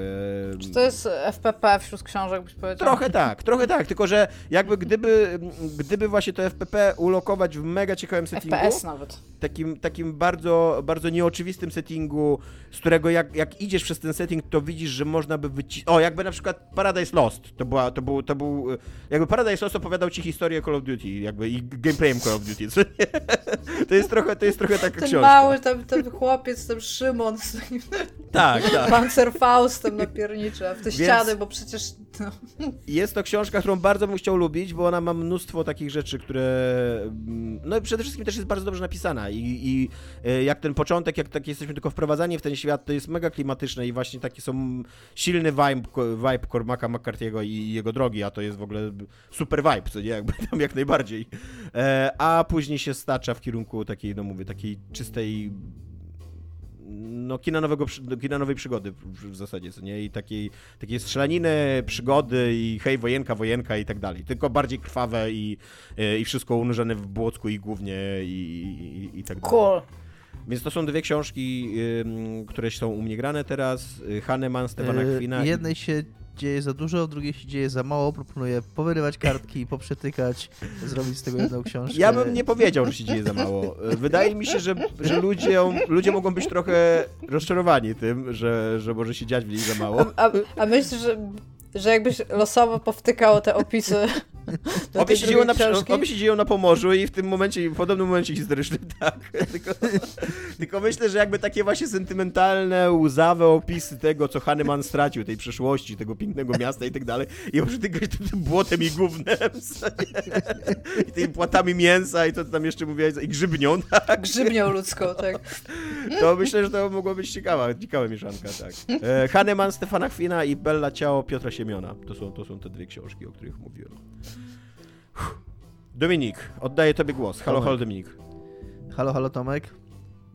Tymczasem Ron Gilbert, yy, czyli twórca Monkey Island, który zapowiedział niedawno, yy, czyli na początku kwietnia, że pracuje nad nowym Monkey Island, Return to Monkey Island, który ma się ukazać w tym roku, umieścił wpis na swoim blogu, wpis odnoszący się do tego, o czym my mówiliśmy i o czym wspominaliśmy, kiedy, kiedy, kiedy omawialiśmy tę zapowiedź, czyli nawiązujący do wpisu, który poczynił z kolei prawie równo 9 lat temu, bo w połowie kwietnia 2013 wpis noszący tytuł If I Made Another Monkey Island i tam zrobił szereg takich 16, 17 nawet e, swoich takich nie wiem, takiego, takiej podstawy myśleniowej, myślowej, którą by miał, gdyby, e, gdyby tworzył Monkey Island. No i oczywiście ludzie po zapowiedzi tej nowej części e, wrócili do tego posta i go zaczęli trochę z niego rozliczać, e, co oczywiście Engelbertowi się nie spodobało, bo on już na samym początku mówił, no, jakby już te, praktycznie tego pierwszego dnia, kiedy poszła ta zapowiedź i ludzie zaczęli wracać, jakby pojawi, zaczęły się pojawiać nowe komentarze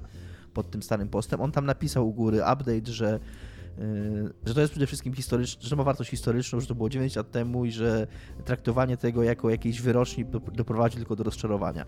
No ale jakby ludzie nie, nie wzięli sobie tego do serca i jak to nosi między innymi Rock Paper Shotgun, ale też jak po prostu można przeczytać na blogu Gilberta, bo on to napisał. Eee, pojawiło się dużo takich rozczarowujących yy, reakcji, takich wręcz, no mówię, stawiających pod murem Gilberta i rozliczających go jakby z obietnic, że obiecał coś tam 9 lat temu, e, a teraz, a teraz tego nie dotrzymuje. On opisuje, że tam ten post był pisany po prostu pod wpływem emocji, on nigdy nie wierzył w to, że to się uda, że mówi, że gdyby to była scena filmowa, to by pewnie siedział z whisky i płakał i tam za oknem padałby deszcz, e, a, a, a tak naprawdę to po prostu mówi, że usiadł było i mi widać, że płacze, co nie, ten deszcz. Mógł powiedzieć, że właśnie wróciłem z whisky za okna, ale leję. Czekając dokładnie. E, tu, on, co ja, whisky i deszcz to ja oczywiście wymyśliłem. On tylko napisał, że gdyby to był film, to by. Ponieważ jesteś zabawniejszy niż Ron Gilbert. E, tak, a mówi, że prawdopodobnie po prostu pił, pił kawę jadł ciastko i tam sobie to napisał, nie? I wydaje mi się, i jakby no mówię, on, on, się odniósł do tych reakcji graczy, którzy, którzy, którzy teraz go rozliczają z tego. I z tego, co ja to rozumiem, z tego jego postu, bo nie śledziłem jakoś super tych reakcji, e, to on najwięcej czasu tutaj zajmuje, najwięcej miejsca zajmuje mu kwestia oprawy graficznej i tego, że on obiecywał w tamtym poście 9 lat temu, że ta gra będzie pixelartowa. E, też być może dlatego to zajmuje najwięcej czasu, bo to jest jedyna rzecz z tych, mm, z tych jakby jego, jego mm, założeń, które opisywał 9 lat temu, które bardzo wyraźnie widać, że nie spełnił, bo bardzo wyraźnie widać na tym pierwszym filmiku promocyjnym, który w ogóle nie jest trailerem, e, że, no, że to nie będzie pixel art. Mm, I, I on bardzo sensownie tłumaczy, że, e, że ta gra nigdy nie, że jakby, że Monkey Island nigdy nie było grą pixelartową. Tak, że on zrobił on... jedną pixelartową grę w życiu i tam był Thimbleweed Park, a wszystkie tak. wcześniejsze gry były state of the art technology tak. zrobione graficznie, tak jak wtedy dało się najlepiej zrobić gry. Tak, tak. I mówi, że on nie chce czegoś takiego, i to jest bardzo sensowne, że on nie chce czegoś takiego, yy, że, że mówi, że po zrobieniu Thimbleweed Park, mówi, że nie da się przeczytać nic o Thimbleweed Park, żeby ktoś nie wspomniał, że to jest throwback game, że to jest gra w stylu retro. I po prostu mówisz, że już nie chce czegoś takiego. I on też jeszcze przed y, tym, y, przed tym postem zwracał uwagę y, i, i pisał o tym, że on bardzo długo chciał zrobić grę pixelartową i że Timberweed Park troszkę go spełnił w tym zakresie, że jakby zrzucił to z siebie i, i, i już nie potrzebuje tego robić i że, i że już ma takie podejście właśnie takiego, jak powiedziała, że, że Monkey Island to były gry czy ja mogę to nigdy tutaj, nie były gry retro. Czy ja mogę tutaj y, poprosić o dygresję, ponieważ y, wydaje mi się, jak czytałem, bo ja nie czytałem akurat tego konkretnego wpisu, ale tam widziałem nagłówki dookoła tego tematu że jest jakiś, jakiś diss na to, jak wyglądało Curse of the Monkey Island? Yy, bo mi się mega podoba, jak, jak to wyglądało. Nie wiem, czy jest jakiś diss. Ja pamiętam, mogę ja powiedzieć z mojej perspektywy, że w momencie, kiedy pograłam w jedynkę i w dwójkę i wychodziła trzecia część, którą, jak wiecie, bardzo kocham, to miałam gigantyczny problem z tym, jak ono wyglądało. Jeżeli chodzi o decyzję, nie, nie, to, nie że tam były malowane, że to nie był pixel art, tylko jeżeli chodzi o decyzje designerskie charaktersów na przykład, że tam był gigantyczny powrót do jedynki, a nic prawie nie wzięli z dwójki. Że wiesz, zmienili praktycznie Guybrush na tego z pierwszej części. Jakby wydaje mi się, że był taki wątek, w sensie w mediach, ale nie, Curse of Monkey Island zostało przyjęte bardzo dobrze ogólnie. Ja w ogóle mam się... jako, jako tam człowiek, który tylko trochę grał w te wszystkie gry, ale mi się zawsze graficznie Curse of the Monkey Island najbardziej podobało. Łącznie z tymi e, odświeżonymi wersjami, co nie? W tym, w tym wpisie Gilbert od, odwołuje się do, Monkey, od, o, do Curse of Monkey Island w jednym krótkim akapicie i tylko mówi, że że tak jak jedynka i dwójka były grami właśnie wykorzystującymi najnowsze możliwości technologiczne, jakie były dostępne wtedy, kiedy były tworzone, to mówi, że również Curse of Monkey Island był takim krokiem do przodu i że, i że to jak najbardziej była gra swoich czasów, to był produkt swoich czasów, że to była też taka gra, która wykorzystywała tak to, co w tym momencie było dostępne i to, co umożliwiało jakby zrobienie tego kroku do przodu. Yy, więc tak, co, co jest też ciekawe tutaj, on tuż nawiązuje, ja mam jakąś taką dziwną teorię, czy, czy przypuszczenie, że jest jakiś mega diss pomiędzy Timem Schaferem i Ronem Gilbertem, bo Ron Gilbert pracował w Double Fine jakiś czas. Oni robili jakiegoś... jeden projekt, nie? Tam Cave'a robili. Tak, on robił Cave'a, ale Tim Schafer również pracował przy Monkey Island i on się nie pojawia, jego nazwisko nie pojawia się ani imię w ogóle w, w jakimkolwiek komunikacji na temat Monkey Island, co jest dosyć dziwne dla mnie. E, natomiast pojawia nie, się. Nie robi go jakby. Nie robi, tak, tak, ale, ale pracował nad, nie wiem, czy nad, bomba, czy nad jedynką i dwójką, czy tylko nad dwójką, ale był zaangażowany. Jakby jest, tak, jest ale jakby nie robi tego, no, no ale okej, okay, no i co się Nie robi tego nowego, ale, ale jakby robił stare, tak, więc wydawałoby się, że przynajmniej wspomnienie jego wkładu jakby byłoby, to nie wiem, w każdym razie tutaj w tym pisie Tim Schafer się pojawia jako twórca Day of the Tentacle, i też właśnie Schaefer mówi, że on, e, ten, e, przepraszam, Gilbert pisze, że on nie był fanem oprawy graficznej Day of the Tentacle, po prostu tego stylu graficznego, ale mówi, że ona, że jakby e, to, jak ta gra wyglądała, też może dawać pewien pogląd na to, jak mogłoby wyglądać trzeci Monkey Island, gdyby Gilbert został w firmie i je robił. Nie? Więc jakby on, jakby on bardzo mocno podkreśla, że, że on nie jest zainteresowany jakimś takim, wiecie, wracaniem do, do tego, co było, tylko tylko chce robić coś nowego. Co jest z jednej strony ma to sens, ale z drugiej strony to nie jest do końca prawda. W sensie to ta gra będzie ręcznie rysowaną przygodówką, ale w dzisiejszych czasach ręcznie rysowana przygodówka to też nie jest jakiś tam super state of the art. To też jest trochę retro, tylko to jest trochę retro właśnie do bardziej może do lat 90. i do, do późnych lat 90. niż do, niż do lat 80., czy tam wczesnych lat 90., tak? A jaka jest w takim razie, twoim zdaniem, współczesna przygodówka? Moim zdaniem współczesne przygodówki to są, to jest Life is Strange. A, e, okej. Okay. To jest, y, to Gorsze jest może przygodówki. Jakieś, znaczy, lepsze, lepsze, gorsze, mm, jakby jest oceny. No dobra, takie hardkorowe przygodówki jakbyś miał współcześnie. No właśnie nie ma, dlatego, dlatego ale bo wszystkie to, są throwbackami, nie? W sensie... jest, to, jest, to, jest to często powtarzane zdanie, którego nie lubią Schaefer właśnie go strasznie nie lubi, że przygodówki są martwe, że właśnie moim zdaniem przygodówki, ja to mówiłem wiele razy, ale powtórzę to, moim zdaniem przygodówki są martwe, nie dlatego, że się nie ukazują, tylko są martwe w tym sensie, w jakim języki są martwe, w jakim łacina jest martwa. One od pewnego czasu, one są jak ta ryba z kamielina, one się, one, pewnym, one od pewnego momentu przestały się rozwijać. I właśnie Przydal. klasyczna przygodówka, i to jest to, co ja staram się powiedzieć właśnie, że, że klasyczna przygodówka, taka typowa point and click, jaką ja kocham, naprawdę, nie zrozumcie myślę, ale to zawsze będzie gra throwback game, to zawsze będzie gra retro, bo te gry już nie istnieją w takiej formie. A dobra, a Machinarium? One... To ciągle jest, ciągle jest, no może, ale... Ale machin... bo zwróć uwagę, Machinarium było jakby takim trochę one-shotem, nie? Bo tam potem była jeszcze ta botanikula, trochę... ale oni robią swój thing, oni korzystają oni z tych rzeczy. Swój... O, trochę Tak, może, ale trochę, trochę to może. rozwijają, tylko że wiesz, trochę to robi może. tylko Amanita, nie? Ale wciąż, ale wciąż jakby, spo, jakby spojrzeć na to, co Gilbert pisze, na ten taki state A of the art. of Sea. A Slice of Sea?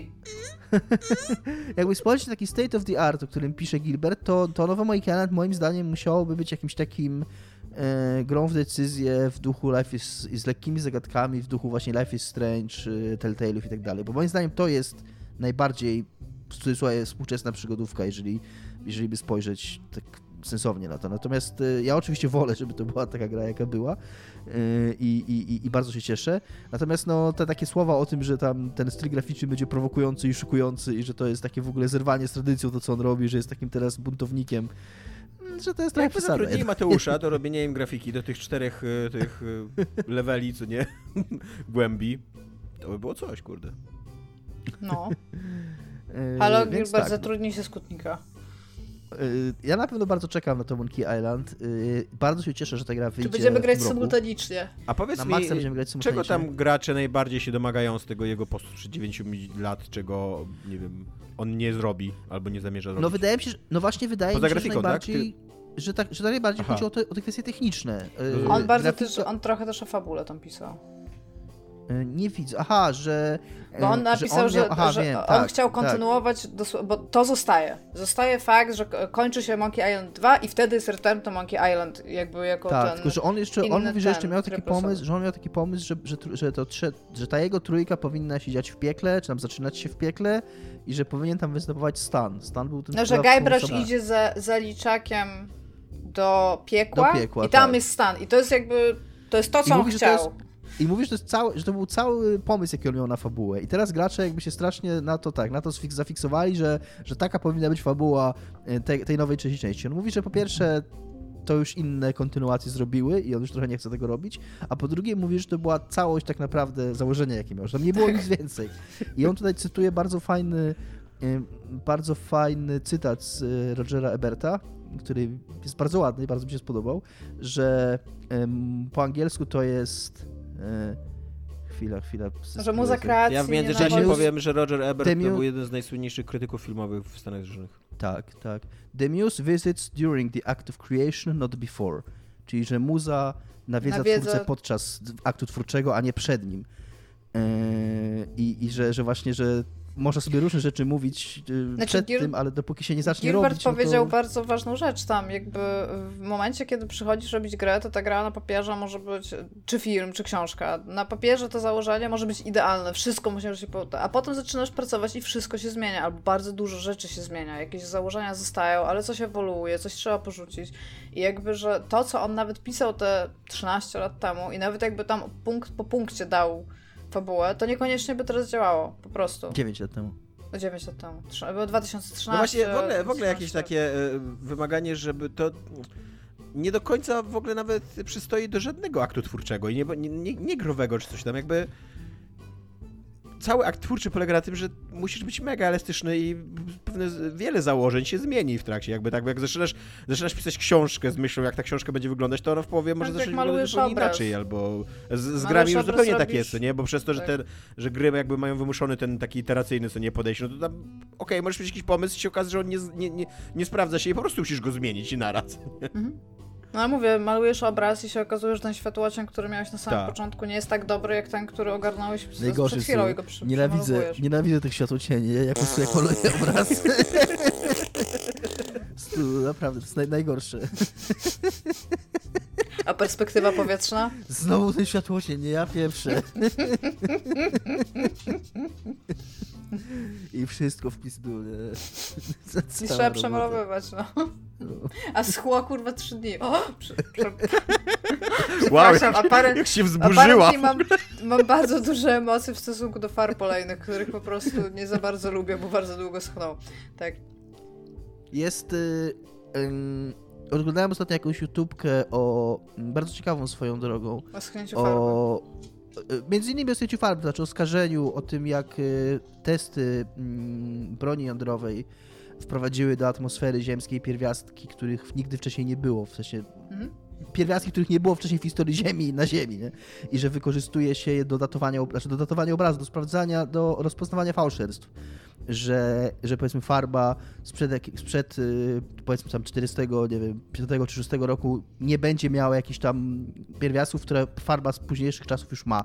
I to mnie zastanowiło, czy te związki z wybuchów nuklearnych, one tylko do farby w stanie ciekłym przechodzą i jak ona już zaschnie, to one już nie wchodzą na nią, czy jak to, nie wiem, no bo, no bo skoro to tak na pewno jest, no to... zależy od farby i powiedzmy sobie też, że farby y, były bardzo różne, bo ludzie mieszali sami farby i były tam sekrety tego, jak mieszasz farby, więc... Nie, ale kumasz, o co mi chodzi, nie? Kumasz, o co mi chodzi, że te, że te Mi się wydaje, tam... że, to jest, że to jest jeden z 50 innych, y, w sensie jeden element z 50, które sprawdzają, żeby coś no. Tak, to no jest tak, jeden tak. z I nich. Może, I może jakoś inaczej oddziałują z zaschniętą farbą, tak. a inaczej z Iga, a ja z, kolei, ja z kolei ostatnio słyszałem o farbie, ale to słyszałem o farbie y, tej...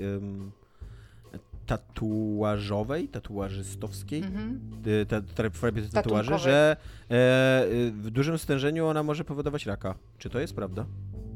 Myślę, że wszystko w dużym stężeniu powoduje raka. No dobra, ale nie wszystko w, w, w, tryskujesz sobie pomiędzy warstwy skóry, nie? To, ale co to znaczy w dużym stężeniu? Na zasadzie masz bardzo dużo że, Tak, że jak masz dużo tatuaży, to to może być szkodliwe dla ciebie, tak. Ogólnie tak? W, takim, to jest, w takim to słyszałem. Ogólnie medycznie to jest szkodliwe. Czy, czy to jest rak, czy to jest e, zmniejszona częstotliwość wymiany tlenowej. E, jest w ogóle taka teoria, e, i to jest tam jakoś zbadane, tylko teraz już nie będę ci tego cytować, jak pisałam magisterka, e, że im więcej, od którego, od iluś procent ciała, które masz pokryte tatuażem, realnie jest zauważana szybsza śmiertelność. To nie jest taka śmiertelność rzędu, że 15 lat mniej będziesz żył, tylko tam na przykład 3 lata, ale ogólnie tak.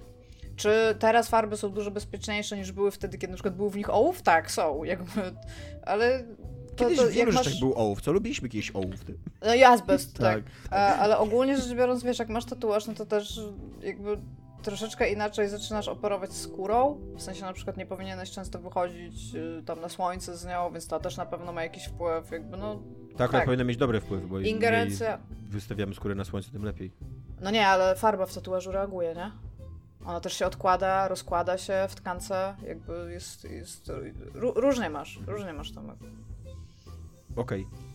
No. E, ja bym chciał jeszcze zamykając, zamykając tematy, to ja bym chciał jeszcze wspomnieć, bo oczywiście powiedziałem, że te wszystkie książki pomorskie zaskakująco blisko mnie się dzieją, e, to zapomniałem powiedzieć taką ciekawostkę, anegdotę, nie wiem jak to nazwać, taki szczegół, takie dwa zdania po prostu, takie coś, takie, takie główienko tutaj, które teraz wam wyłożę tutaj, e, że ta książka Bela Ciao, e, Siemiona, dzieje się w takiej wsi, miejscowości, czymś tam, co się nazywa Łącko i odkryłem, mhm. czytając ją, że Łącko znajduje się 20 km od Sławna, w którym spędziłem bardzo dużo dni, miesięcy i tygodni mojego dzieciństwa, bo tam rodzinę mam. Więc też to jest tak, że tam otwierasz tę książkę na temat II wojny światowej gdzieś na północy i nagle się okazuje, że to jest tuż koło ciebie albo tuż koło jakichś swoich wspomnień. Iga, co jest grane u ciebie? Ja jeszcze tak szybko, bo jako, że już mówiłam z Dominikiem o Paradigm, skończyłam Bugsnax i nie wiem, czy pamiętacie, jak e, myślałam, że e, wiedziałam, że ta gra będzie iść w jakieś dziwne rejony jakby, Spodziewałam się kanibalizmu. E, nie powiem wam, czy jakby, czy tam to istnieje, natomiast mogę powiedzieć e, z całą pewnością już po zakończeniu tej gry, że idzie w bardzo dziwne miejsce ta gra. I e, jakby tak jak mówiłam ostatnio, przez fakt, że ona się super mocno kojarzy z Pokémonami. Większość ludzi, jak nie będziesz wiedział, co to jest, to to są takie Pokémony, tylko łapiesz jedzenie, nie? Takie stworki tam jedzeniowe. A tylko i, i jakby Pokémony z założenia są stworzone dla dzieci, w sensie każdy może grać w Pokémony, wiadomo, że dorośli też je lubią, ale jakby Bugsnax, nie mam zielonego pojęcia dla kogo jest ta gra. W sensie tak, tak realnie, nie mam zielonego pojęcia kto jest targetem do tej gry, jaka to jest grupa wiekowa, w ogóle, to jest mega, mega dziwna gra. A przeszłam ją, ona mi tam zajęła, nie wiem, z 7 godzin może, tylko że ja bardzo, bardzo długo starałam się wykonywać jakby wszystko, co ona we mnie rzucała, bo tam jest taki system głównego questa, który musisz jakby popychać. Są takie mini questy, w sensie side questy i są tak zwane requesty, które zwykle polegają na tym, że musisz, nie wiem, zeskanować takim aparacikiem, e, jak jeden z tych bug snacksów robi konkretną czynność. I one są bardzo busy work. Przez bardzo dużo czasu ta gra ma, jak się tak bardzo chce w nią wejść, to ona jest bardzo busy work, bo trzeba rozkminić, o której godzinie będzie ten backsnacks, na jak, w jakim miejscu, czy jest tam jakaś rzecz, która może z nim oddziaływać, żeby coś zrobić na przykład, nie? I jak, jak to porzuciłam i stwierdziłam, nie, jak chcę po prostu skończyć tą grę, to już mi się bardzo fajnie grało tam do samego końca. Ale było kilka takich momentów, że myślałam, że ugryzę pada, bo robiłam coś 16 razy, no on, jakby nikt nie lubi tego, nikt nie lubi ogarnąć zagadki w mózgu, a potem musieć ją wykonać i żeby to wykonanie z, yy, było przeszkodą jakby do uzyskania rzeczy. Natomiast e, co chcę powiedzieć, ta gra ma bardzo fajne związki pomiędzy tymi bohaterami. To nie są ludzie, ale jakby są antropomorficzni. A jest bardzo dużo nieheteronormatywnych związków tam. I są fajnie napisane, i są fajnie zrobione, i są zupełnie tak jakby bez żadnych fajerwerków tam popodkreślane, i po prostu są. I to jest super. A ma kilka takich e, motywów jakby w, w midgame'ie, że trochę już się człowiekowi nudzi, mam wrażenie, ale na te 7 godzin to jest bardzo konkretna gra. Ja bym ją poleciła tylko i wyłącznie dlatego, że ona jest dziwna, naprawdę dziwna. I fabularnie, i gameplayowo, i tam wszystko, co się dzieje, jest po prostu dziwne. I e, przez to, że jest za uczciwą cenę e, abonamentu na Game Passie, też jest spoko. I, i moim zdaniem tej grze ten taki e, tajemniczości dodawał fakt, że ona była bardzo długo ekskluzywą, tak? Na, na PlayStation 5 chyba w ogóle, bo ona nie była nie, nie. dodawana, jak miałeś... albo na PlayStation 4, bo ja pamiętam, że ona się pojawiała w dyskusjach na temat PlayStation 5, że jak mia- kupowałeś PlayStation 5 i miałeś chyba PlayStation Plus, to ją dostawałeś. I to było to, jakby, ja nie rozumiem, czemu ta gra była ekskluzywem na Sony. Jakby zupełnie tego nie rozumiem, nie? Ale to jej też fajnej takiej tajemniczości dodawało, bo ona już dostała bardzo dużo, bardzo dużo się o niej pisało i nagle właśnie wskoczyła w tego Game Passa i jakby, czy ona była warta tego wszystkiego, co o niej mówić? Nie, to nie jest jakaś najwybitniejsza jakby Ja też nie rozumiem, dlaczego gier. ona była ekskluzywna na PlayStation 5. Jest tyle gier na PlayStation 5 w ogóle. To... No właśnie. A, plus, e, od razu powiem, że jeżeli byście chcieli w to grać i e, jeżeli kończycie sidequesty u ludzików, to one na samym początku się wydają takie trochę eciepecie i bez sensu, natomiast one was prowadzą do boss fightów. I te boss fighty są bardzo różne. Te, które ja widziałam, to kilka było tam fajnych, kilka było takich, że po prostu miałam ochotę kogoś kopnąć, a jeden sidequest mam w ogóle zbagowany, nic, albo Bugsnax, boom, e, nie, da, nie dała mi, jakby, gra mi nie pozwalała w niego grać, nie? Szkoda, jakby... że już nie jesteś w Szkocji, to byś mogła teraz mieć ten przycisk taki. Tak. I jakby gra mi nie dała w niego grać, co mnie trochę też zdenerwowało, no ale jestem jakby po i cieszę się, że ją przeszłam. Jest, jest, nie, nie jest to zła gra, ale też nie nastawiajcie się na jakiś nie wiadomo jaki ewenement. Natomiast jest weird. To jest, to jest weird gra. Więc tyle tylko chciałam powiedzieć, że zamknęłam ten rozdział swojego życia, mogę jakby przechodzić gry dalej. Dobra, mamy jeszcze tak z 10 minut yy, i też mamy do nagrania czasu 10 minut, nie jesteśmy jakoś do tyłu. Nie ma sensu nowego tematu poruszać ani żadnego coś z granej. Co u ciebie, jak żyjesz? Ja, ja mam jedną y, wiadomość, którą chciałam powiedzieć w podcaście tutaj live. No. A jako, że apparently jestem bardzo niemiłą osobą i y, ostatnio spotkałam w pociągu Borysa Nieśpielaka, który poz pozdrowił mnie w ich podcaście, a ja, nie wiem, chyba stwierdziłam, że ja nie muszę pozdrawiać ludzi, więc ja również go pozdrawiam. Borys, bardzo cię pozdrawiam, dziękuję za pozdrowienia, dziękuję. A tak poza tym, co u ciebie?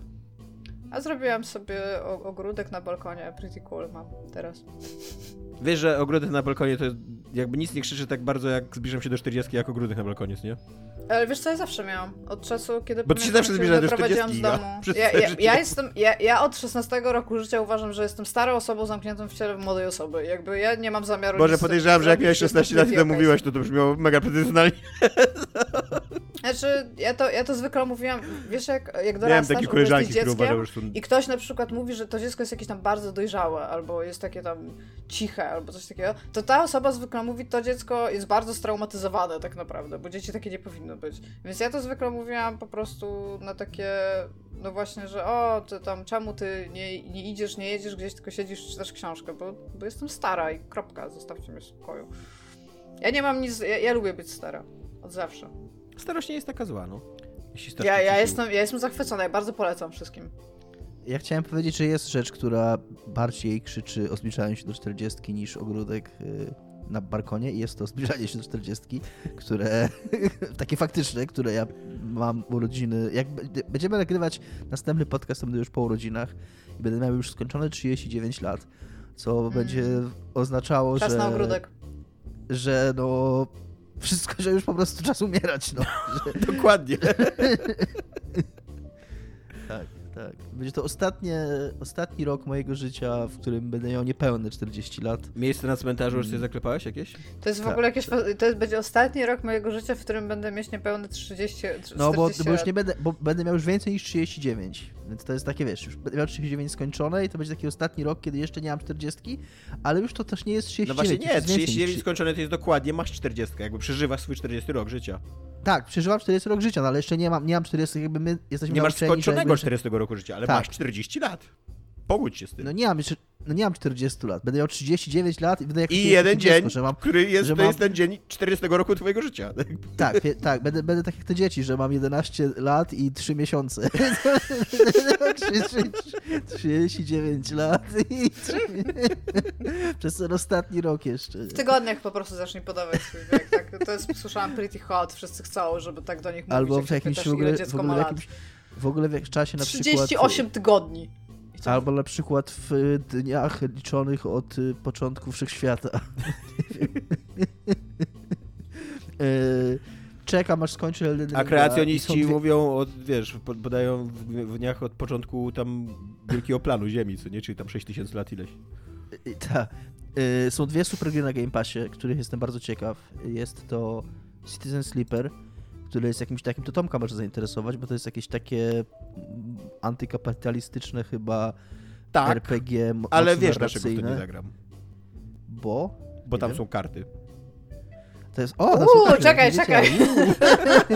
ja myślałem, że tam są tylko kostki, bo to tak gameplayowo to mi się wydaje trochę jak ta gra o kanibalizmie. Yy, ta z kostkami, nie pamiętam jak tak. się nazywała, ale masz stację kosmiczną i tam rzucasz kostkami, masz akcję, a potem zjadasz ludzi. Tak, tak, tak. I że to bardziej jest taka gra, ale jak tam są karty, no to nagle moje zainteresowanie... Tak mi się wydaje, że są karty, tak, absolutnie.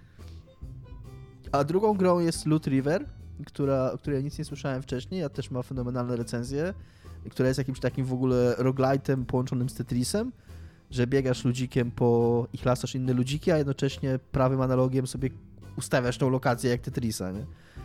Co brzmi super ciekawie. A ja z- zrobiło to w ogóle studio, które się nazywa Straka Studio. Zgadnijcie, jak przeczytałam dwa razy, jak się nazywa to studio.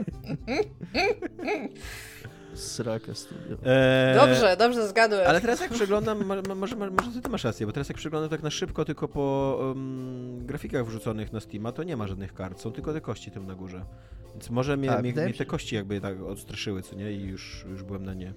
Jak Ale w twojej to... nieulubionej grze Disco Elysium, nie? Eee, nie, no właśnie kości mi nie przeszkadzają. Kości są spoko. Może jakieś miałem takie po prostu skojarzenie dziwne. Mnie natomiast to, co mnie pociąga, przeraża i jednocześnie podnieca w tej grze, to to, że ją napisał jeden człowiek i napisał 100 tysięcy słów i to jest bardzo dużo słów jak na jednego człowieka, jakby tam szacun, co nie? Może piszę, wiesz, jeden, dwa, trzy, Może cztery. Może cała narracja Jestem... tak jest. Są takie, e, e, są takie dzieła sztuki, takie obrazy, co nie? Tak e, właśnie malowane po prostu po kolei te, te cyferki. Może to jest taka gra, nie? E, no, dobra. E, mamy jeszcze kącik poetycki. E, dzisiaj w kąciku poetyckim e, gościnny występ e, Jakuba Knurka, który przysłał nam odczytany przez siebie, zinterpretowany, wyrecytowany wiersz.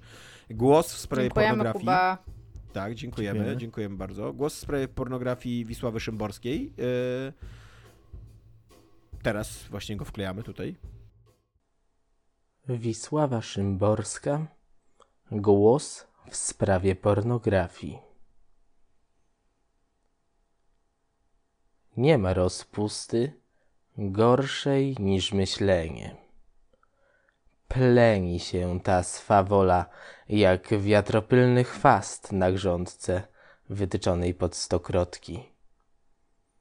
Dla takich, którzy myślą, święte nie jest nic. Zuchwałe nazywanie rzeczy po imieniu, rozwiązłe analizy, wszeteczne syntezy. Pogoń za nagim faktem dzika i hulaszcza. Lubieżne wymacywanie drażliwych tematów, tarło poglądów. W to im właśnie graj. W dzień jasny albo pod osłoną nocy łączą się w pary trójkąty i koła. Dowolna jest tu płeć i wiek partnerów. Oczy im błyszczą, Policzki pałają. Przyjaciel wykoleja przyjaciela. Wyrodne córki deprawują ojca. Brat młodszą siostrę stręczy do nierządu. Inne im w smak owoce z zakazanego drzewa wiadomości niż różowe pośladki z pism ilustrowanych. Cała ta prostoduszna w gruncie pornografia.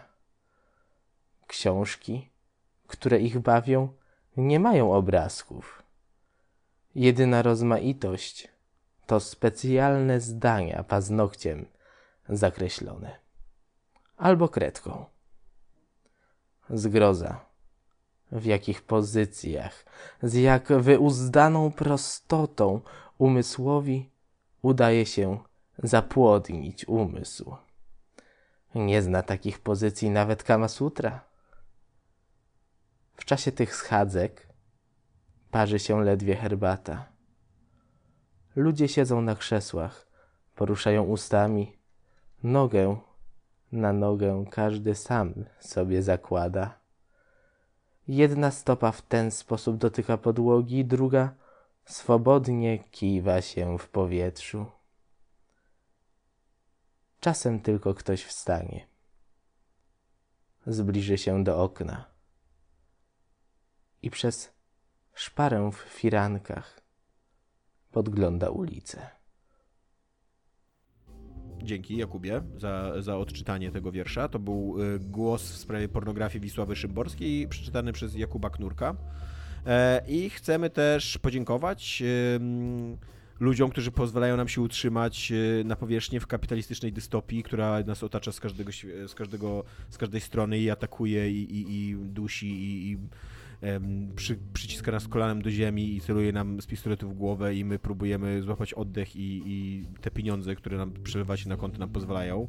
E, szczególnie Mufinek i Tomek 2, tak e, e, wasze pieniądze, ilość waszych pieniędzy jest zdumiewająca i rozgrzewa nasze serce za każdym razem, jak dostajemy od was przelew. Więc jakbyście chcieli do, dołączyć do tego zasnego grona, to jak najbardziej polecamy i, i zapraszamy. I to chyba tyle na dzisiaj w odcinku. Trzymajcie się. Cześć. Cześć.